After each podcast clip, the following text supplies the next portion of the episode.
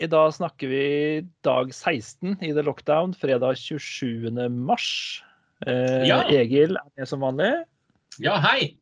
Og vi har gleden av å ha Raimond med oss igjen. Velkommen tilbake. Takk skal du ha. Eh, I denne episoden her, den har vi valgt å kalle for samlivssmell. Og da jeg leste en artikkel her eh, hvor det sto Korona-lockdown gir en opptur for Tinder, Netflix og Pornhub. Men om noen måneder er det to andre yrkesgrupper som vil få hendene fulle. Eh, det her er ingressen til en artikkel fra Nettavisa, hvor samlivseksperter og psykologer spår litt, og det er vi glad i den podkasten her, eh, om tida etter koronaviruset. At da er det babyboom, skilsmisseboom og nye kjærestepar. Så de to yrkesgruppene artikkelen sikter til, det er samlivsterapeuter og jordmødre. De eh, har gode utsikter i vente. Mm. Så det er et sitat fra den artikkelen som er Vi sitter stort sett hjemme. Noen av oss med ektefelle og småbarn, eventuelt med en samboer vi innimellom kan bli lei av. Og Det skal vi vel ærlig innrømme at man kan kjenne seg litt igjen i. altså De fleste parforhold møter jo hindre og utfordringer. Mhm. Vi er jo alle, alle menn i eh, relativt langvarig ekteskap, gitt vår alder. Eh, Vi er vel ikke helt fremmed for den utfordringa, er vi det? Nei, slett ikke. Det er jo hva skal jeg si, det er ingen som har sagt det skal være s- smertefritt, liksom.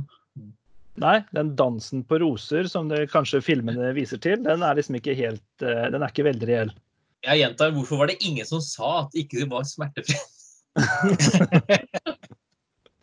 Men hva, hva tenk, har, har, har dere opplevd noe forskjell nå i den situasjonen vi sitter i? Altså, vi naturlig nok vi, er, vi går hjemme alle sammen. Er det, er det lettere? Er det verre? Er det, går det an å løse det på noen måte? Åssen har dere det? Jeg vil jo si det at eh, den tilværelsen som er nå, ligner mye mer på noe jeg kunne leve godt med i lengre perioder. Her i huset i hvert fall så har kanskje noe av utfordringen tidligere vært at vi har hatt litt lite tid sammen. Mm. Eh, mens nå når det er masse tid, og vi rekker å prate om ting, og stresse liksom demper seg litt, er i ferd med å legge seg litt, så eh, jeg syns det er ganske digg, i hvert fall. For det, det var en ting jeg tenkte når jeg leste denne artikkelen her òg, at det, liksom, det, det kommer til å være veldig mange som altså, går hverandre på nervene fordi man nå bruker så mye tid sammen. Men du nevner jo det, og jeg tenkte vi også opplever det sånn at nå får vi plutselig frigjort mer tid, så vi får vært mer sammen. Og det, det kan jo rett og slett slå positivt ut òg. Ja, det vil jeg absolutt si. Mm. Men uh, klart, hvis man har det OK fra før, da. Har man det dritt fra før, og så må man plutselig begynne å gå sammen hele tida, det Jeg- ser jo den sida av det også. Ja. Det blir Det fort jo- en liten sånn smell. Ja, det er jo ofte derfor folk eh, eh, går fra hverandre etter jul og etter sommerferier. For da har de vært sammen eh, i en periode. Er vi, er vi for kjappe til å gå fra hverandre i sånne settinger? Burde vi ha tenkt mer før vi da kanskje ble sammen? Tja, man, man tenker ikke så mye før man blir sammen, tror jeg. Det er en sånn sinnssyk uh, sinnssykdom, den her forelskelsen, hvor man ljuger glatt og, og alt kommer til å gå fint. Vi kommer til å kommunisere bra, og arbeidsfordeling, ikke noe stress, og unger er bare nydelig og flott, og det gjør oss hele som ekte, ja, osv. Mm. Fuck Hollywood, holdt jeg på å si. Det, det finnes ikke noe happily ever after, det er bare hard work ever after. Eh, vil jeg hevde, da. Ja. Og det er klart, det, det å gi mennesker en reality check på forhånd kan nok være lurt. At noen Ja. sier noe om at det kommer til å være ganske tidvis ganske heftig, men at man gir opp for fort, uten tvil. Jeg tror ikke det hadde hatt så mye å si om man tenker seg mer om på forhånd. Eller man skal jo være helt, man skal jo være helt klar for å, for å Jeg vet ikke om vi snakker ekteskap eller flytte sammen. Ja. Man bør være ganske klar for å, før man flytter sammen. Da. Men det har noe med å ta valg, tenker jeg. Og det som jeg hører eh, ofte som jeg irriterer meg mest over, og det er lett for meg å si, for at eh, jeg, jeg har det jo bra, men i hvert fall eh, det at eh, kjærligheten tok slutt, og derfor må man flytte fra hverandre. ja, ikke sant? Det er ikke godt nok. Nei, er det rett og slett altså, Da er definisjonen av kjærlighet feil? Ja. Eller forståelsen av begrepet kjærlighet? Ja, og ekteskap. Stiller i hvert fall et uh, interessant spørsmål. Hva er kjærlighet? Det må du ta, Egil. Du har utdanning. Nei, men uh, Hva er det? uh, eh, Gaute sier så fint at kjærlighet er mer enn forelskelse. Ja. Og det er jo, man bør jo benytte de første par åra som man er sammen, eh, hvor man da er forelska, til å planlegge og til å snakke om ting og bli, finne ut hvordan man skal gjøre det resten av tida. Mm. Da er man selvfølgelig så opptatt med å bare være forelska at det er litt vanskelig, men man bør, eh, ja, man bør gjøre det sånn at man er klar når det plutselig forelskelsen tar slutt. Mm. Jo, har dere gjort det i deres forhold? Ja, vi, Ja, gjorde altså- ikke det, vi gjorde ikke det den tida, nei. Nei. Ikke i første, men eh, vi har gjort det etterpå, da. Men vi var så heldige at vi fikk være på, vi var på, med, på noen sånn ekteskapskurs allerede før vi mm, gifta oss. Mm. Sånn prep-kurs, som det heter. Og det har vi fortsatt med. Så det har vært veldig bra. Og det trenger ikke å, hva er det, trenger ikke å være problemer før man eh, går på kurs eller går og snakker med noen eh, profesjonelle. Det er liksom mer sånn eh, som at du tar bilen på service, så tar du Mm. ekteskapet på service før det går noe galt. Ja, ja. Forebyggende arbeid, rett og slett. Ja. Mm. Det er veldig mye lettere å prate om ting også hvis, eh, altså når man lever i fredstid i relasjonen. da. Mm. Det er mye lettere å prate om de kanskje vanskelige tinga da, enn hvis man står midt i det og er i ferd med å gi opp, f.eks. Det er klart. Da, da har det på en måte gått så langt at den praten antagelig ikke har sjanse til å gjøre noe forskjell, eller ei? Det blir lite konstruktivt veldig ofte, tror jeg. Men, men du sa jo hva er definisjonen på kjærlighet. Jeg tenker jo definisjonen på samliv også er Der tror jeg kanskje de største misforståelsene ligger, jeg, da. Ja, kan du utdype? Ja, altså, jeg, jeg, jeg veit jo ikke Jeg synser og mener, kanskje, men, men eh, Ja, men jeg tenker liksom at samlivet, det handler om å dele livet med hverandre. Mm. Mens jeg tror veldig mange bare fortsetter sine egne liv, altså samlever, på en måte, da. Eller kjører sine liv parallelt og lever litt hver for seg, og da skal det jo ingenting til å gli fra hverandre. En bitte liten kursendring da vil jo føre til store endringer i framtida, men det å virkelig skal vi si, gå, gå inn i relasjonen med hele seg, da, og velge, ja, velge å dele livet på alle Ja, ja. områder, det tror, jeg, det tror jeg virkelig er en av de mest grunnleggende tinga i starten også, som er kjempeviktig, som gjør at det kanskje holder for resten av livet. Da. Ja. Og det legger jo også litt opp til at partneren må ta en aktiv interesse i den andres liv. ja. Og så hjelper det jo å være, hvis man er venner, og det kan man bli på forhånd, men det kan man bli mens man er, eh, mens man er i, i samliv også. Eh, og ha, at, å ha noen felles prosjekter. ja, unntatt eh, barn, mener du? Unntatt barn, ja. For det er ikke noe felles prosjekt. Det, det, det kan være det, men da når barna blir store nok til å klare seg selv, så er det ikke noe felles prosjekt lenger. Så man må ha noe utover det. Og det ser jo veldig mye at det mm, Ja, nei, når man ikke har det, de barna som prosjekt lenger sammen, så er noe, har man ikke noe sammen lenger. Det blir et tomrom som plutselig blir vanskelig å fylle i et samliv. Ja. Men, eh, og dette tror jeg er veldig viktig å gjøre underveis, altså mens man har barn hjemme også. Det å ha, Ja, man den må der- det. ja, det å ha den tida til hverandre, og det å som du sier, ha noe å eh, jobbe mot sammen, det er nok eh, veldig viktig for at et eh, sånn forhold skal leve i lang tid. Altså. Det som, eh, som Raimond snakka litt om, det med at eh, man, vi nå må være hjemme. Mm. Eh, så da kommer man tettere på hverandre. Og at det, for eh, Hva skal jeg si? Ja? Jeg og Raymond er litt forskjellig. Fordi i vår husstand så er det nok heller jeg som er vant til å eh, dra ut og gjøre veldig mange ting. Og være rastløs. Mm. Eh, så, så jeg ser på det på litt annen måte, da. Ja, eh, hvordan da, tenker du? Ja, Nei, at eh, Nei, men det er jo det. Når man eh, Jeg er vel heller da Det er veldig hyggelig å være hjemme, men jeg blir også rastløs og er vant til å dra ut og treffe folk, da. Og da Ja, det får ikke innfridd.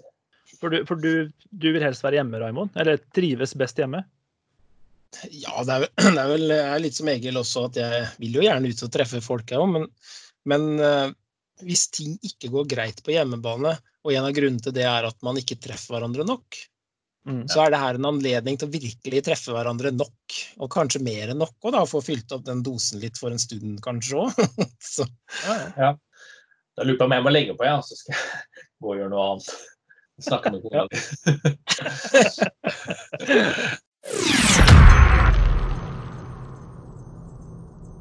Det er ganske vanlig at, eh, at skilsmisseraten går opp når, man, når par må tilbringe mye tid med hverandre. Som du sier, som eh, etter juleferier eller etter lenge ferier og sånt, når man plutselig da blir satt ja, eh, sammen i en tid og situasjon som man ikke er vant med i en relativt grå og kjedelig hverdag. Vi har jo allerede diskutert at det faktisk altså Det virker jo for vår del, og jeg støtter dere i dette dere har sagt hittil, at for vår del også så er det på en måte den tida her har vært egentlig veldig grei. Vi har på en måte klart oss å eh, bruke tida sammen til noe konstruktivt. Og ha rolige frokoster sammen om morgenen og sånt noe. Og så nevnte jeg jo i gårsdagens podkast at uh, det blir også noen gnisninger sånn med en tenåring i første klasse og litt sterke viljer og litt sånt noe. Um, hvordan har dere det? Altså, går det greit med å ha barn hjemme på hjemmeskole og alt mulig sånt noe? Påvirker det forholdet eller samlivet på noen måte? Jeg vil jo si at det, for vår del så har det her gjort, uh, gjort, samarbeidet bedre enn det var før. Så langt. Mm. Fordi vi har også Vi har jo eh, barn i parallellklassen med, med ditt tenåringsbarn i første klasse. yep. Som er i samme fase i livet. Ja. Og, og, vi ser virkelig hvor mye lettere det går når vi er to som uh, blir enige om hvordan vi skal gripe an. Og det har vi fått mer anledning til å prate om nå og lage litt strategier for hvordan vi skal uh, håndtere det. da. Og stå mm. sammen om det, liksom, så ikke det er noe sånn Fordi vi ikke har tid til å prate sammen tidligere, så har det vært mye lettere kanskje å spille oss mot hverandre, vi voksne. Mm. Mens nå så er ikke det mulig. Nå snakker vi sammen. Ja. Strategisk veldig greit med den tida vi har ja. tilgjengelig. Jepp. Ja. Jeg må også si det at det er veldig, hos oss er det veldig bra. Det har vært, det har, vi har ikke så stor plass, men at det, det har gått uh, overraskende bra. Og vi har det veldig fint som familie. Vi gjør hyggelige ting sammen. Så, mm. det er, så hos oss er det med at jeg må jobbe med at, å være til stede. Både fysisk og mentalt. Men eh, som familie så har vi veldig mye tid sammen. Det er bra. Mm. Mm. Jeg føler på et vis at jeg er i ferd med å bli kjent med ungene mine. Det er litt interessant. Ja. Og ikke, liksom ikke bare Jeg kjenner dem jo, altså, men i, i, forhold til litt mer Sånn som eh, hvert spesielt hun som går på skole, da. Å være en del av skolehverdagen. Være lærer. Eller rektor er jeg, da. Kona er assistent. for så vidt. Det er, det er interessant å se litt en del av den hverdagen og hvordan hun jobber med skoleting osv. Så videre, sånn. Veldig gøy, faktisk. Har hun tatt uh, Teams bra, eller? Det har jo vært en helt annen måte for barna å jobbe på, som vi diskuterte litt i går. Men barna har jo, i hvert fall av de vi har snakka med, tatt det veldig bra. Ja, det er samme her òg. Hun mm. ligger vel allerede foran faren sin, tror jeg. Bruk, så Det er bra. Men kan, hvis vi snur litt på dette her, da, så vi nå, nå, har vi jo fokusert mye på, eh, på at det, det, blir en skilsmisseboom og sånt, men eh, det her kan kanskje være bra for single også. Eh, Frode Tuen, som er psykolog, hadde det her i en prat med NRK hvor han sa at eh, det her kan være en fordel fordi at rett og slett litt begrensa valgmuligheter gjør at man må ta det som er til rådighet. Det ligger kanskje noe i det? Ja. ja men det, det, på en måte tror jeg, for at det, eh, det er litt sånn eh, Hvis du har et koldtbord, da. Du får jo aldri spist alt du vil der. Men hvis du da bestiller en biff, og så får du den, så er du fornøyd med den. Ja. Kan vi klippe bort det, eller? Jeg tenkte å spille videre på det du sa, Egil. For uh, jeg er jo litt eh, mer kanskje en strateg av personlighet, da, så jeg planlegger ting nøye. Så det går helt fint å spise alt på koldtbordet, bare man planlegger det. Og ta ting i riktig rekkefølge og riktig mengde, da. Så Nei da, jeg, jeg, beklager. Jeg er helt enig med deg. Jeg tror det er positivt på den måten som du sa. Det er, helt, det er helt tydelig hvem av dere som hadde sveipa mest til venstre på Tinder. Det er ikke noe å lure på. kan du ta det spørsmålet igjen? Nei da. Men at det Nei, jeg husker ikke hva det var.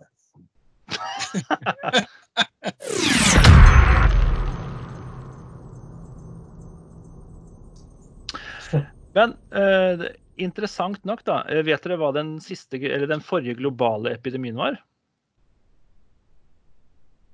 Her var det svineinfluensa noe, eller? Mm, Ja, den ble vel ikke ansett som en epidemi, for den fikk man jo bukt med gjennom vaksiner og Ja. sånt noe rimelig fort. Eh, Men den, den siste, siste globale epidemien som, eh, som kan ligne på det vi opplever nå, det var spanskesyken. Ja. Ja. Ja, den herja i eh, 1918 og 1919. Og eh, da så man i eh, 1920 Da ble det født 10 000 flere barn i Norge enn i 1919.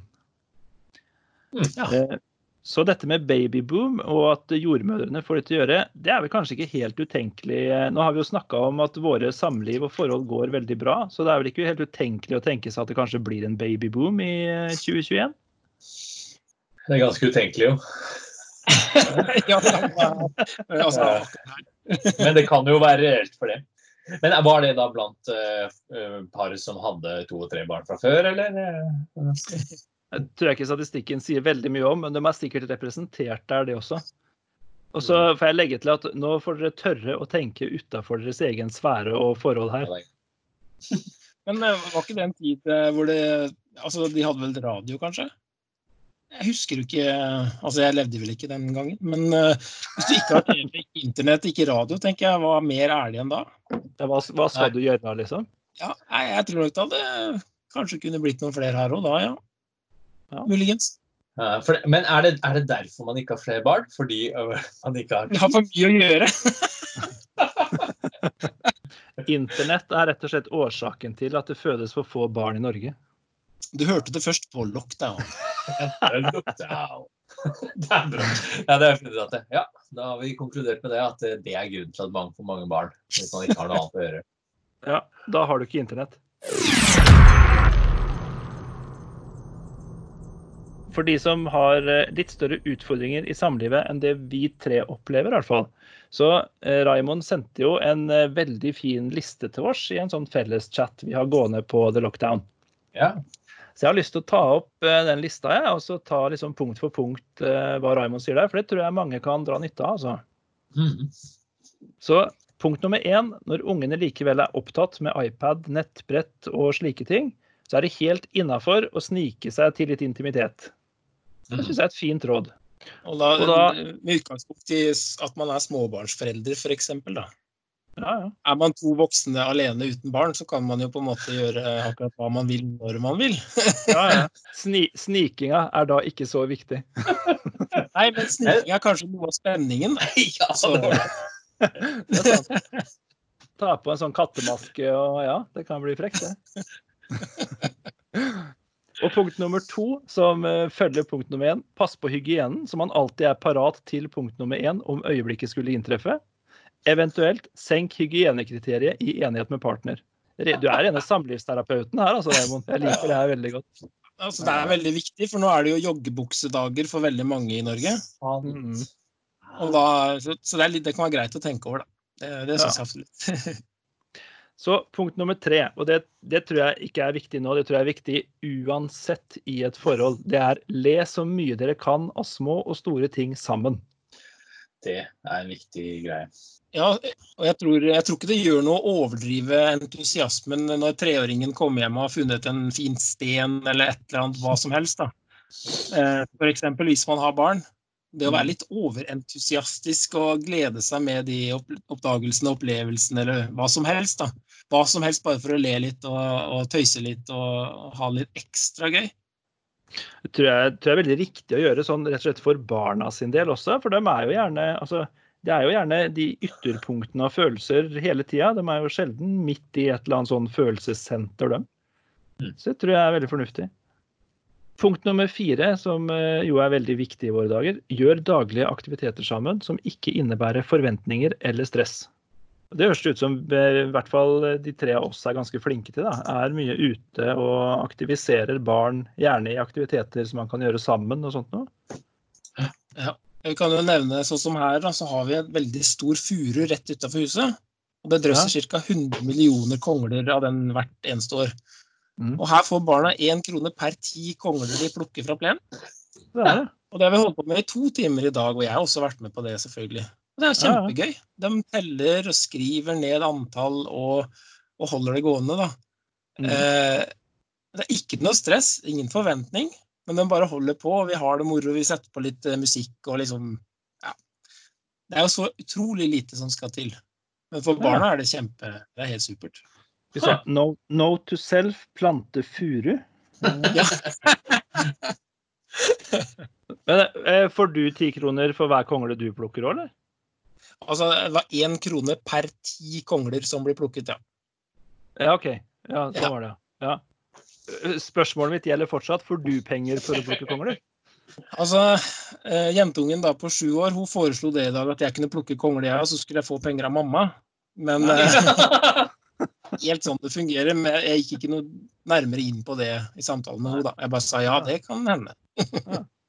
Det skal jeg også si at eh, jeg tok kjapt lærdom av deg, Raimond. For du hadde en post i sosiale medier hvor du tok hjemmeskolen litt lenger og inkluderte en del sånn huslige sysler. Ja. litt sånn hjemlige saker hvor bl.a. barna var med og vaska bilen. Vi må benytte enhver anledning til å lære dem litt flere skills da, enn det vi rekker mm. når de er på skolen hele dagen og osv. Ja, det er, eh, det er jeg så enig i. Så det, det snappa jeg til meg som en sånn eh, pro-tip fra deg, og har utnytta videre i hjemmekarantena vår. Veldig bra. Punkt nummer fem. Le masse av hverandre og tåle å bli ledd av. Den kan være utfordrende, men får man til det, så har man knekt en kode i et samliv, altså. Ja, jeg kan jo si at jeg, jeg ler i hvert fall veldig mye av de andre her i huset. Det er veldig lett. Så, så, så Det er bare halvparten. vet du. ja da. Men da kan man jobbe med den andre biten, da. vet du. Ja. Så punkt nummer seks. Og her er du inne på eh, kanskje litt mer eh, filosofisk grunnlag, men eh, ikke Altså, nå har vi tid til det.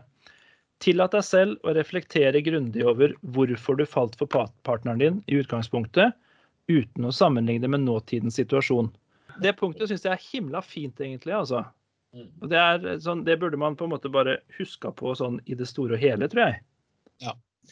Og det er jo det man bruker i sånn eh, ekteskapsrådgivning når man skal um, eh, Når de skal finne Når de har skli, nesten sklidd fra hverandre, du skal finne tilbake, så må du da først gå tilbake og se hva var det som i utgangspunktet gjorde at man ja, falt for hverandre. da. Det er greit å huske på det inn, innimellom. Ja. Det er veldig fine punkter der nå. Altså, en sånn der setning som at du, du er ikke lenger den jeg forelska meg i. Ja, Det er sånn der, eh, Hvis man er i ferd med å gå fra hverandre, eller Jeg holdt på å si takk Gud for det, da. Eller ingen, da. Eller ingen hvis du er artist. ja jo, jo. Eh, Hvis du ikke har noe å takke med det. Men, men eh, Takk ingen for det. jeg, jeg takker ingen for det. Men, men jeg mener, den usikkerheten og sårbarheten og alt det bullshitet der sånn, Ja. Som man driver med Greit, man er forelska og er litt hjerneskada eller sinnssyk, eller hva man skal kalle det, Mm. men, men også gjennomleve det eh, bare fordi man ikke greier å huske på å sette pris på de tingene man opprinnelig hadde sammen. Det går an å finne tilbake til det, det går an å finne det igjen i nye former. Mm. Eh, men det kan kreve litt innsats noen ganger. da. Jeg Mm. tenker det er kjempeviktig å ha den i bakhodet egentlig hele tida. I hvert fall dra det fram. Ofte. Ja, for det blir litt sånn Det blir litt, jeg håper å si, som du sier, den, den setningen du sa om at du ikke er den jeg forelska meg i, det, det blir også et sånn problem med forventningsstyring. Og en mangel på innsikt i det at man, man vokser sammen. Det er jo det som er hele poenget da, med et langvarig forhold, at man skal hjelpe hverandre å vokse og bli noe mer enn det man var når man først gikk inn i forholdet. Så har vi punkt nummer sju. Vær ærlige om hverdagslige utfordringer, men løsningsorientert, ikke bebreidende. F.eks.: Når du gjør, sier sånn, så føler jeg, eller skulle ønske at vi heller kunne prøve. Så dette går jo litt på kommunikasjonsform, da. Og det, det ser jeg for meg kan, kan være mer utfordrende enn kanskje de punktene vi har nevnt hittil, nettopp fordi at altså, mellommenneskelig kommunikasjon kan være vanskelig i utgangspunktet. Og det er jo ikke alle forhold som nødvendigvis har en så velutvikla kommunikasjonsform at det der kanskje er mulig. Nei, det er nok sant, det du sier også. Men eh, det er jo rett og slett en ting man bare trenger å øve på. Ja. Mm. Eh, og skal jeg ta eksempel fra mitt eget hushold, da, så er vi to ganske forskjellige personer som kommuniserer litt forskjellig også. Mm. Eh, og jeg kan jo si ting med, med de beste intensjoner, men likevel så blir det oppfatta på en totalt annerledes måte. Mm. Eh, og det er sikkert ikke så veldig mange andre som har det sånn. men, eh, men, men, det der med å ikke, eh, ikke, ta opp utfordrende ting for å fordele skyld, eh, det, tror jeg, det tror jeg er kjempeviktig hvis det finnes rom for det. Eller det å finne rom for det. Eh, en, en, måte å kommunisere, eller en måte å si det på som jeg uh, ofte forsøker meg på, da, det er at det her kunne jeg tenkt meg at vi ble bedre på framover. Ja. Altså mm. fordi at det, Målet mitt er ikke å uh, kritisere eller uh, liksom, Jeg skal ikke peke finger eller liksom skylde på noen, men bare Det finnes jo så mange ting i livet som vi kan gjøre bedre. Og det er jo, mm. alles, det er jo i alles interesse, da, for da får vi, det, får vi det bedre sammen også jeg tror det er litt forskjellen på mann og kvinne. Det her har jeg snakka ganske mye med kona om, også akkurat dette her, fordi det gjerne er en stor forskjell på kommunikasjonsformen til en kvinne og en mann.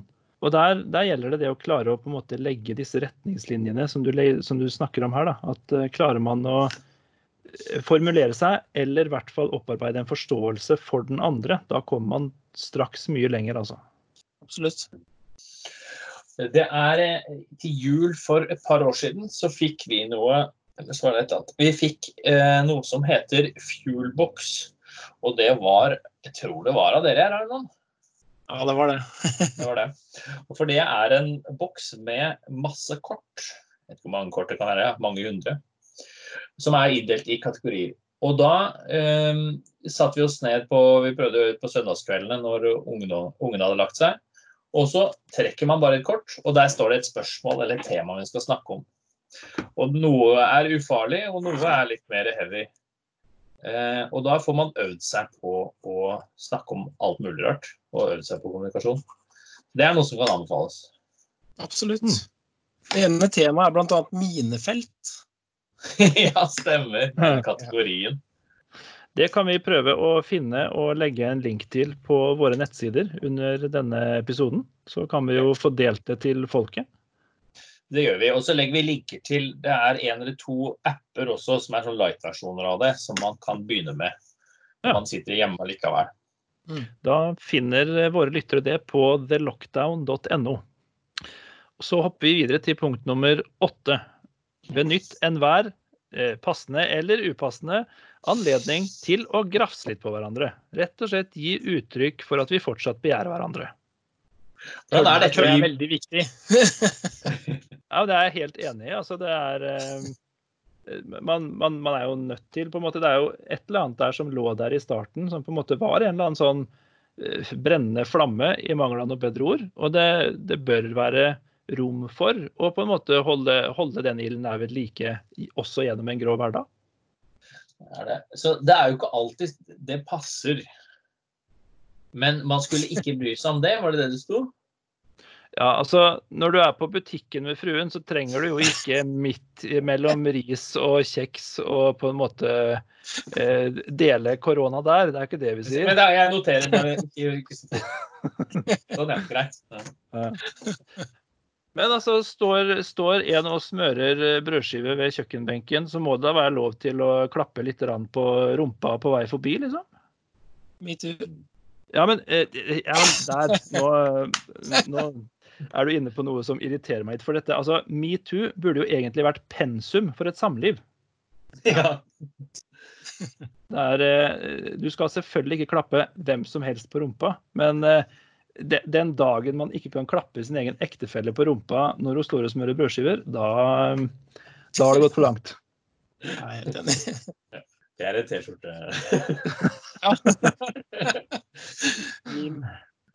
Jeg tenker det er litt krydder i hverdagen der, altså. Rett og mm. slett. Bare... Jeg vet ikke at vi er moderne menn, men vi kan ikke være så forsiktige. Du har rett i det. Ja, og så er det vel noe med det å bare det er, det er, også det med litt fysisk bekreftelse også, da. Mm. Vi blir jo eldre, og, og, det er jo ikke alle som modnes som uh, fine viner, på en måte. Eller som føler det sjøl. så, så, bare det at uh, jeg liker deg fortsatt. Litt glimt i øyet og, og sånn. Jeg, ja, jeg, jeg, jeg, tenker det er en fin ting, jeg. Ja. Og jeg, som, som du skriver i listepunktet òg, altså eh, vise at man fortsatt begjærer hverandre. Det er, jeg tror det er liksom essensen i det. da, At det skal, det skal ligge et begjær i grunnen der. Ellers så er man jo bare samarbeidspartnere, mer eller mindre. Ja. Så har vi punkt ni. Benytt enhver anledning til å gjøre noe dere bare kunne få til før ungene og alt ansvaret kom. I parentes, og det er viktig, så sant det lar seg gjøre i forhold til eh, Folkehelseinstituttets anbefalinger. Ja, og det er litt sånn eh, Kan du utdype hva du tenker litt på da, Raymond? Nei, det jeg tenkte da jeg skrev det, var vel egentlig at nå har vi, eh, i hvert fall vi som går hjemme begge to nå, da, eller vi har gjort det fram til i dag, for så vidt, eh, eh, det at vi har mer tid, det gjør jo at vi kan gjøre en hel del ting sammen som vi på en måte ikke har fått tid til i hverdagen med barn i barnehage eller skole, og det er henting, og vi skal kose oss og spise middag sammen, og så skal de legges, og så er vi utslitt på kvelden veldig ofte. Vi merker jo det at vi har litt mer overskudd nå. Så, sånn som vi har gjort det her, vi har faktisk rydda noen kjøkkenskap.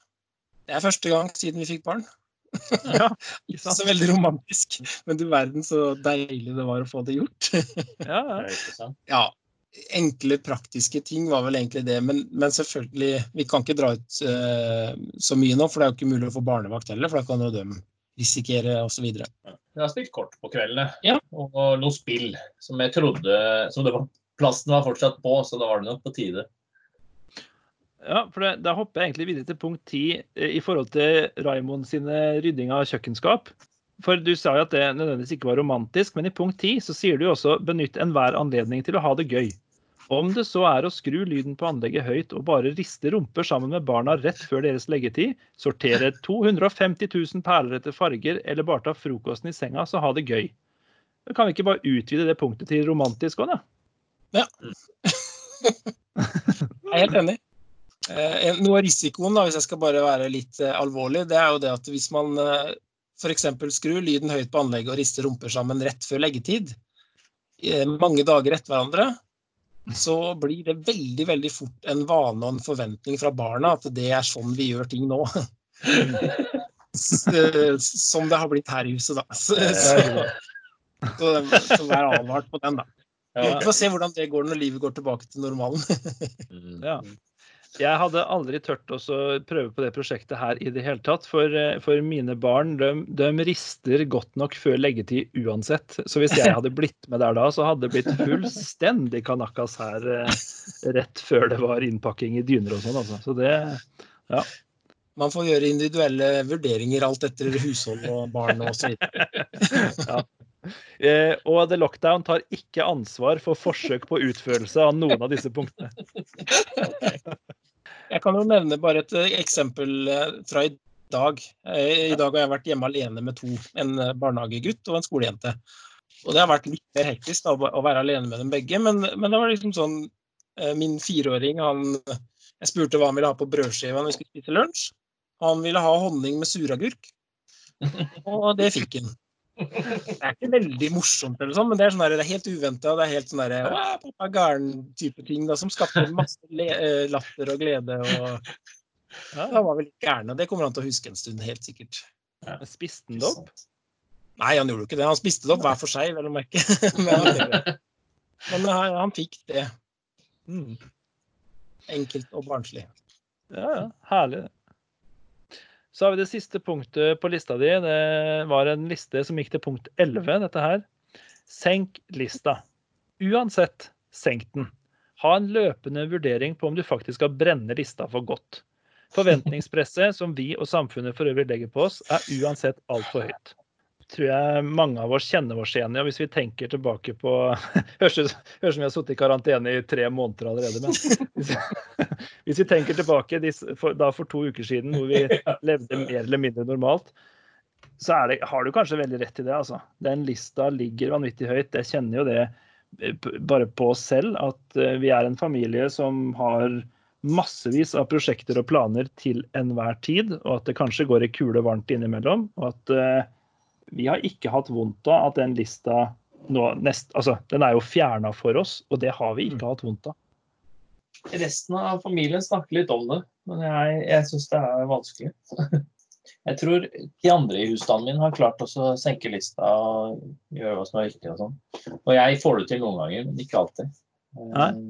Det går jo mye på det du og jeg har snakka om tidligere, at det er, denne, jeg håper å si, det er individuell forskjell på hvor mye alenetid man har behov for for å fungere best mulig. Og det, så det er jo på en måte bare en, et faktum. Mm. Mm. Ja. Men, eh, men den derre eh, hva skal vi si, den derre følelsen av utilstrekkelighet, eh, den tror jeg er drepen for veldig mange i samfunnet uansett. Hvis forventningspresset er for høyt, da, hjemme, på jobb, hva en forventer av seg sjøl, eh, osv. Hvis man hele tida lever med den der følelsen at man aldri når helt opp, så tar den knekken på det aller, aller meste. Eh, og selvfølgelig da er det ofte samlivet som eh, blir skadelidende først. Ja, det tror jeg du har rett i. Det er, det er lett å nedprioritere det i en travel hverdag hvor du, du må ta deg av barna, du må skjøte jobben din, du skal sørge for at huset har en viss standard osv. osv. Det er veldig lett å nedprioritere samlivet og forholdet da, altså. Ja, Det er det. Og da er det jo litt sånn deilig, da, som du sier, da, når lista på en måte har blitt tatt vekk, på en måte. Mm. Eh, selvfølgelig, det er jo noen forventninger. Vi skal følge opp skolearbeid og barna, og vi skal ha det greit og sånn, men nå er det bare På et eller annet vis føler jeg at vi har kommet mer i kontakt med de mer eh, grunnleggende og nødvendige tinga. Mm. Om dere forstår hva jeg mener? Ja, jeg skjønner det veldig godt. ja, så vi må bare, bare ta litt vare på hverandre nå. Sørge for at vi har mat. Litt sånn derre basics, da. Det er ikke Ja, så veldig mye annet som betyr så veldig mye. Vi får ikke gjort så veldig mye uansett. Helt enig. Og det, det er akkurat den samme opplevelsen vi sitter igjen med her òg, etter å på en måte bare Ja, det er ikke noe vi får gjort. Altså, nå kan vi på en måte bare være hjemme. Eh, huset kan på en måte det, det står jo her. Det er jo bare her. Så kan jo vi passe på å få gått ut litt og liksom spist frokost sammen og ja. Nyte det, hvis det er lov å si i en tid som denne. Det, det må være Da runder vi av der med disse veldig gode poengene til Raimond. Og så sier jeg tusen hjertelig takk for at du hadde lyst til å være med oss en runde til, Raimond. Ja, det var veldig hyggelig, det. Så til dere som har hørt på, så sier vi hold hodet varmt og hjertet kaldt, og takk for at dere hørte på The Lockdown. Sa det gærent nå? Sorry. Hold hodet varmt og hjertet kaldt. Hodet mitt er ganske varmt, men hjertet Ja,